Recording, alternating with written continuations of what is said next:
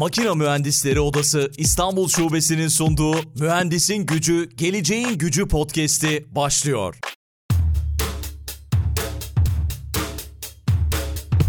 Mühendisin Gücü, Geleceğin Gücü podcast'inin yeni bölümünden herkese merhaba. Biliyorsunuz Makine Mühendisleri Odası İstanbul Şubesi olarak 3. sezonuyla karşınızdayız bu podcast'in. Dünya üzerindeki başarılı mühendislerimizi konuk etmeye devam ediyoruz. Onlar deneyimlerini bize anlatıyorlar, ilham oluyorlar ve farklı şeyler öğreniyoruz onlardan mühendislik adına. Bu bölümdeki konuğum da Aslı Kurgan Üstüner. Şu anda kendisi karşımda ve bize kariyer hikayesini, deneyimlerini anlatacak. Aslı Hanım merhaba, selamlar, hoş geldiniz. Merhaba Aykut Bey, hoş bulduk. Çok çok teşekkür ediyorum bu bölümde bizimle olduğunuz için. Çok da merak ediyorum aslında birçok farklı şey yapmışsınız. Birçok farklı alanda çalışmalar göstermişsiniz. Ve tabii ki farklı ülkeler var, Türkiye var. Hepsini dinleyeceğiz. Ama öncesinde belki sizi tanıyarak başlayabiliriz. Nasıl gelişti kariyeriniz? Son dönemde neler yapıyorsunuz? Belki bunu anlatarak başlayabiliriz. Ben de çok teşekkür ediyorum. Ben e, aslen Ankara doğumluyum. Lisede matematik, fen bilimlerine olan ilgimden dolayı mühendislik alanını seçmek istedim ve 87 yılında ODTÜ makine mühendisliğine girdim. E, o zamanlarda da yine kızların fazla tercih etmediği bir bölümdü. 250 erkek, 13 kız öğrenciydik diye hatırlıyorum. Bu eğitim sırasında bizim 87 yıllarına dönersek e, daha bilgisayarların henüz hiç kullanılmadığı, internetin olmadığı, T cetveliyle çizim yaptığımız programlama dillerinden sadece Fortran 77'nin öğretildiği bir zamanda başladım. Eğitimi çok zorlayıcı da olsa zevkle okuduğum, çok geniş kapsamlı ve somut uygulamaları görebildiğim bir bölüm oldu. Mezun olduktan sonra da yine makine mühendisliği üzerine master yapmak için Amerika'ya gittim. Oradaki üniversitemde de hem araştırma hem de öğretim asistanlığı yaptım. Hatta arka arkaya yaz okullarında e, mekanik dersini verdim ve bir hocalık tecrübesi e, yaşadım.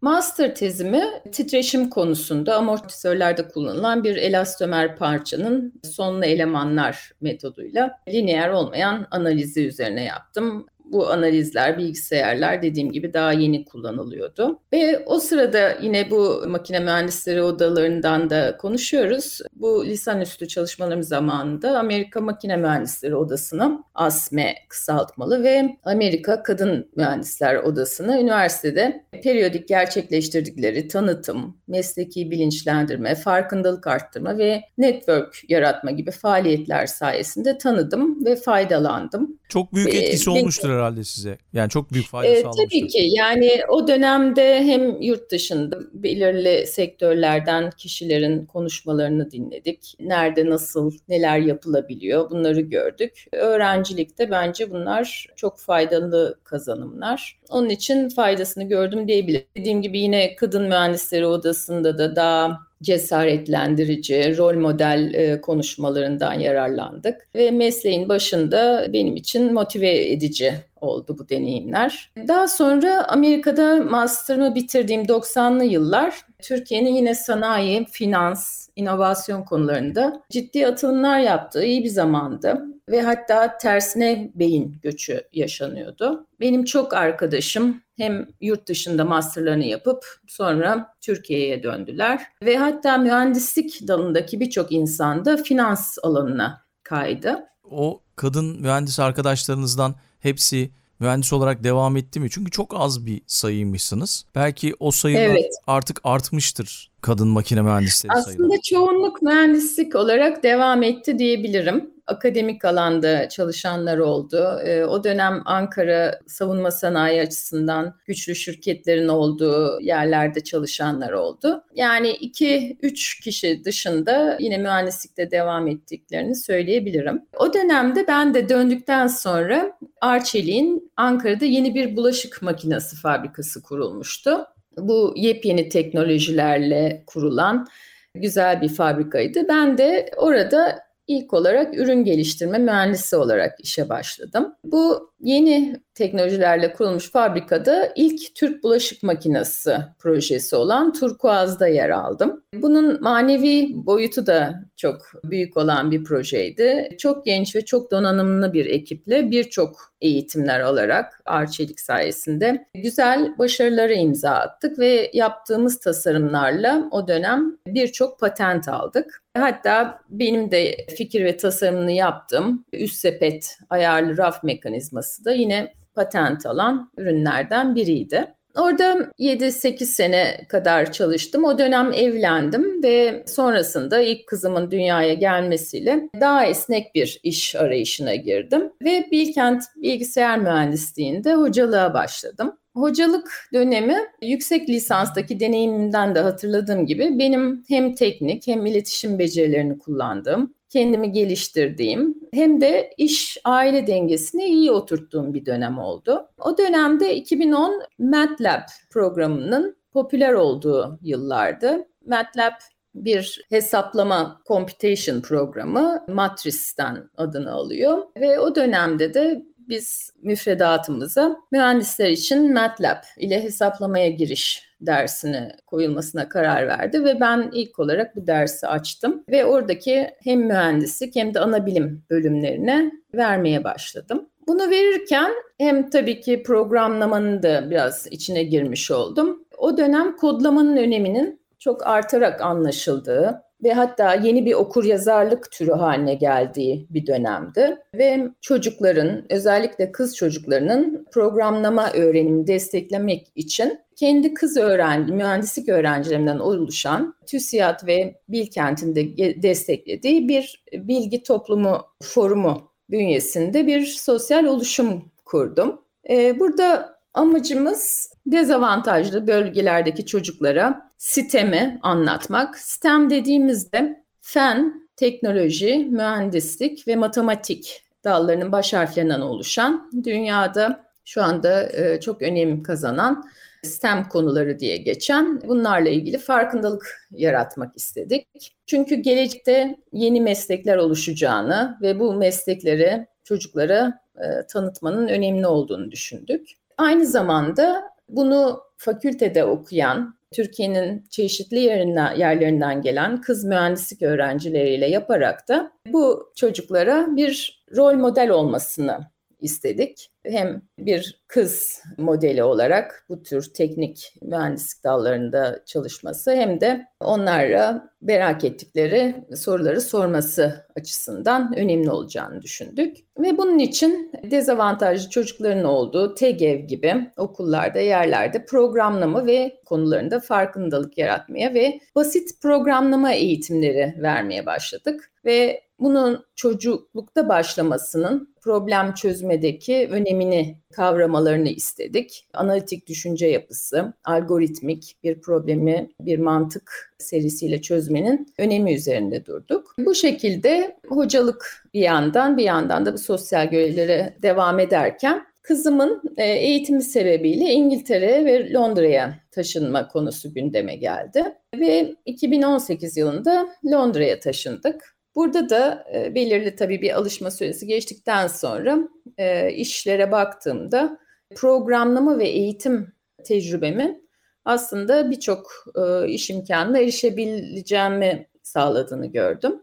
Ve buradaki David Game adındaki eski bir kolejde yine MATLAB ve programlamaya giriş konusunda dersler vermeye başladım. Tam bu sürecin akabinde yine burada iki sene kadar dersler verdikten sonra Covid süreci başladı ve ondan sonra daha çok Türkiye'ye gidip gelmem gerektiği için online yapabileceğim daha esnek bir iş arayışına düştüm ve o sırada kar gütmeyen bir şirket olan Phoenix Space ile tanıştım. Enteresan bir konsepti e, olduğunu düşündüm tanıştığımda. E, yapılan görüşmede bunu Oxford mezunu Rus asıllı Alevtin adında genç bir kadın ve arkadaşlarının inisiyatifinde kurulan ve dünya çapındaki birçok gönüllü profesyonelin desteğini alan bu şirketin çok etkileyici bir vizyonunu olduğunu gördüm. Bu vizyon tüm gençlerin kaliteli eğitime erişim konusunda eşit fırsatlara sahip olduğu ve topluluklarının refahını ve gelişimini şekillendirmede aktif, bilinçli vatandaşlar haline geldikleri bir dünya hayaliydi.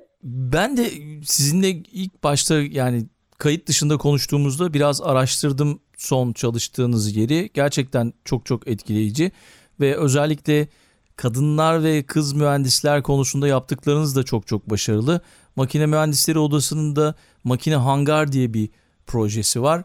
E, uzun zamandır devam ediyor. Henüz aktif hale gelmedi. Orada işte çocuklara bilimi sevdirmek adına ellerinden gelen her şeyi yapacak gönüllü mühendisler olacak ve orada bilimi sevecekler ki siz bunu çok uzun yıllardır yapıyorsunuz. Burada belki şeyi sorabilirim size. Kar amacı gütmeyen kurumunuzdaki mühendislik eğitimleri toplumdaki insanlar için nasıl bir fark yaratıyor? Çünkü tamamen bu farkındalık üzerine odaklanıyorsunuz anladığım kadarıyla. Evet haklısınız. Bu tip kurumlar özellikle benim çalıştığım küresel çapta savaş gibi sebeplerle yerinden edilmiş, e, göçe zorlanmış ve kısıtlı imkanlara, dezavantajlı çocuklara, kısıtlı imkanlara sahip öğrencilere bilimsel okur yazarlıklarını geliştirmek, yaşam şanslarını arttırmak ve topluluklarını güçlendirmek için yaratılmış. Bu dezavantajlı gruplarla en son sistem eğitim programları ve amacı toplumun bu savunmasız üyelerine küresel eğitim ve yeniden becerileri kazandırabilmek, onları tekrar hayata bir şekilde katabilmek. Çok bence duyarlı bir program günümüzde ve bunun için bu sorumlulukla hem akademi hem kurumsal sektörden hem insani yardım sektöründen ortakları bir araya getirip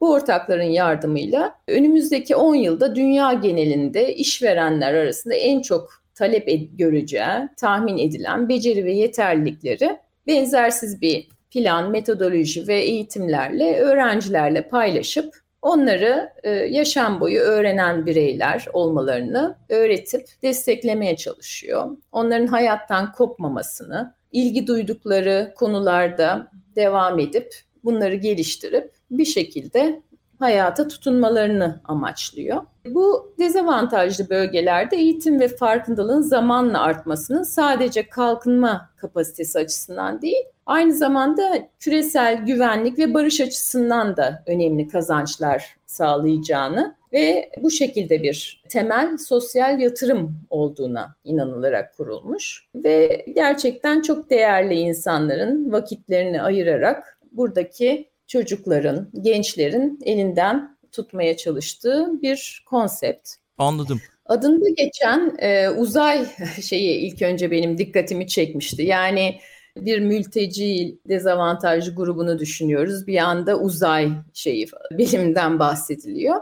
Ve hani ilk görüşmeye başladığımda benim de aklıma bu soru takıldı. Ama onlar şöyle bir açıklama yaptı. Uzay bilimi gibi uç bir konsept seçilmesini dünyadaki sistem eğitiminin kapsamını genişletmek, zihinleri açmak, merakı teşvik etmek ve öğrencilere öğrenecekleri araçları araştırmacı, yenilikçi ve yaratıcı olmaları için uzayın ilham verici doğasını kullanmak olarak açıkladılar. Bu da benim için güzel bir heyecan yarattı. Evet. Ee, buradaki küçük çocuklara işte uzay kampları yapmak, e, bunları gözem, gözetlemeleri, uzaydaki bilinmeyen sırları hakkında merak uyandırmaları bana çok heyecan verici geldi. Phoenix Space'ten yani uzay oradan etkilendiniz. Ya yani neden diye sordunuz. Doğru çok doğru. Ben de ilk başta duyduğumda şaşırmıştım açıkçası.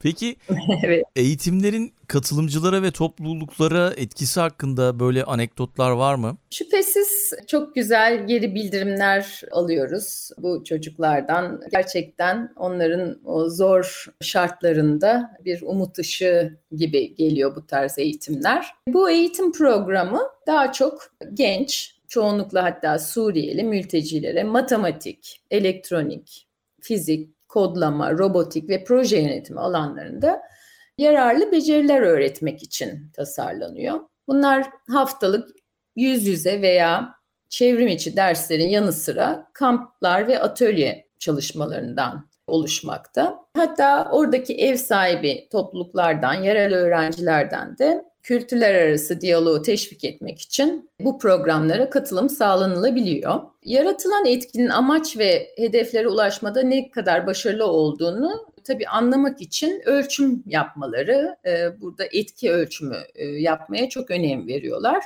Bunlar için raporlamalar, anketler, geri bildirimlerle ölçmeye çalışıyorlar. Şu ana kadar 7 ülkede 9 ortakla 1200'den fazla öğrenciye ulaşılmış ve bu öğrencilere uzay programı, STEM ve programlama dersleri verilmiş ve onlardan alınan, alınan geri bildirimlerde de %92'sinin daha çok STEM konuları öğrenmek için motive olduğunu, 88'inin eğer çok çaba sarf ederseler her şeyi çözebilecekleri hissini hissettikleri, %86'sının öğrendiği konuları nasıl hayatına geçireceğini düşündüğü, %81'in ise bu eğitimlerin problemlere daha iyi çözümler bulma konusunda yardımcı olduklarını söyledikleri öğreniliyor. Onun dışında da farklı mektuplarla Amerika'dan burs alan öğrencilerimiz oldu. Yaptığı projeli yarışmalarıyla daha büyük yarışmalara giren, çok azimli, e, meraklı kişilerin oralardan çıkarılıp farklı mecralara da gitmesinde bir yol olduğunu düşünüyoruz. Peki sizin için bu tür bir kurumda çalışmanın anlamı nedir diye sorsam? Benim bu tür bir organizasyonda çalışmaya çeken en önemli, özellikle bu organizasyonda çekmeye, çalışmaya çeken en önemli nokta STEM eğitimlerinin dünya çapındaki o dezavantajlı gruplara ulaşmasındaki aldıkları inisiyatif ve bunu gerçekleştirebilecek potansiyeli olan duyarlı ve nitelikli insanların olduğu global bir kuruluş olmasıydı. Bu ortamda eğitim ve teknik tecrübelerimi yansıtabileceğimi düşündüğüm gibi ihtiyacı olan çocukların özellikle daha önce de üstünde çalıştığım kız çocuklarının bu eğitimleri alması için gösterilen çaba benim için oldukça belirleyici bir neden oldu. Yaptığım mülakatlardan sonra beni global ortaklıklar kısmının başında görevlendirdiler. Bu görevde çeşitli Filistin, Lübnan, Malezya, Suriye, Türkiye gibi ülkelerdeki yine kar amacı gütmeyen kuruluşlar, normal okullar, STK'lar gibi gruplarla ların yetkili kişileriyle programın detayları için görüşmeler, düzenlemeler, anlaşmalar yaptım ve içerikleri paylaştım gerçekten ihtiyacı olan gruplarla bu içerikleri herhangi bir maddi e, şeyi olmadan paylaştık. Diğerleriyle belki aldığımız ücretlerle onları farklı mecralardaki ihtiyacı olan kişilere yönlendirdik. Benim amacım burada iletişimi koordine ederek verimli organizasyonlar yapıp bu eğitimlerin oradaki azınlık gruplarına ulaşmasını sağlamaktı. Bu sayede de genç ve çok farklı meslek gruplarından vasıflı, gerek Hong Kong'dan, Amerika'dan, Afrika'dan hatta normal zamanlı işleri de olup bunu yanında yapan global bir network ile çalışma şansı elde ettim. Ve yeni teknoloji, iletişim ve proje yönetimi araçlarını da öğrenerek kendime de gelişim açısından bir fayda sağladım. Çünkü tabii ki her şey değişiyor, hızlanıyor ve bir şekilde kendinizi yeniliyorsunuz bu tür ortamlara girdiğinizde. Ee, onun için kazan kazan gibi bir e, durum yaşandı benim için.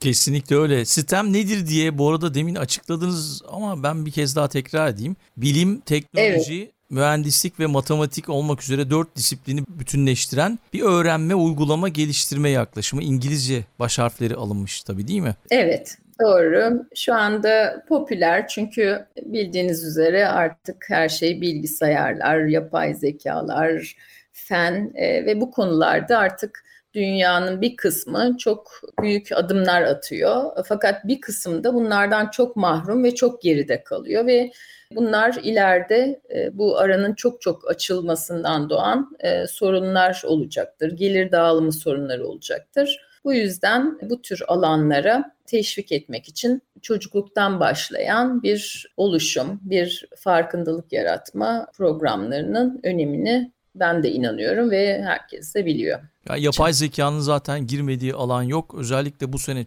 inanılmaz yükselmiş durumda. Hepimiz de kullanmaya evet. başladık artık. Sokak düzeyine de inmiş durumda. Evet. Son, son derece olarak... yine büyük bir değişim yaratacak bir durum yapay zeka ve işte bunları bu tip şeyleri gerçekten hızlı adapte olabilmek, e, yetişebilmek ve bunlardan faydalanmak gerçekten e, bence şu anda çağımızın en önemli konusu. Peki Aslanım çok teşekkür ediyorum bu bölümde konuğumuz olduğunuz için. Çok güzel bilgiler verdiniz. Umarım bizi dinleyenlerin de bir farkındalık yaratmışızdır. Katıldığınız için evet. teşekkür ediyorum. Çok teşekkür ediyorum. Çok sağ olun bana bu imkanı verdiğiniz için. Son söz olarak şöyle bir şey söylemek istiyorum. Mühendislik eğitimi ve çalışma alanları açısından yoğun emek isteyen bir meslek. Bunun yanında farklı alanlarda kullanılabilecek bir problem çözme mantığı verdiği de bir gerçek. Benim hayat görüşüme göre insan her yaşta, her dönemde hem kazanılmış tecrübe ve potansiyelini aktarabileceği hem de kendine yeni değerler, bilgiler, bakış açıları katabileceği ortamlarda çalışmalı ve üretmeye devam etmelidir. Bunlar için biraz önce de anlattığım gibi global kar amacı gütmeyen kuruluşlarda güzel fırsatlar sunmaktadır. Tekrar çok teşekkür ediyorum. Mühendisin gücü, geleceğin gücü.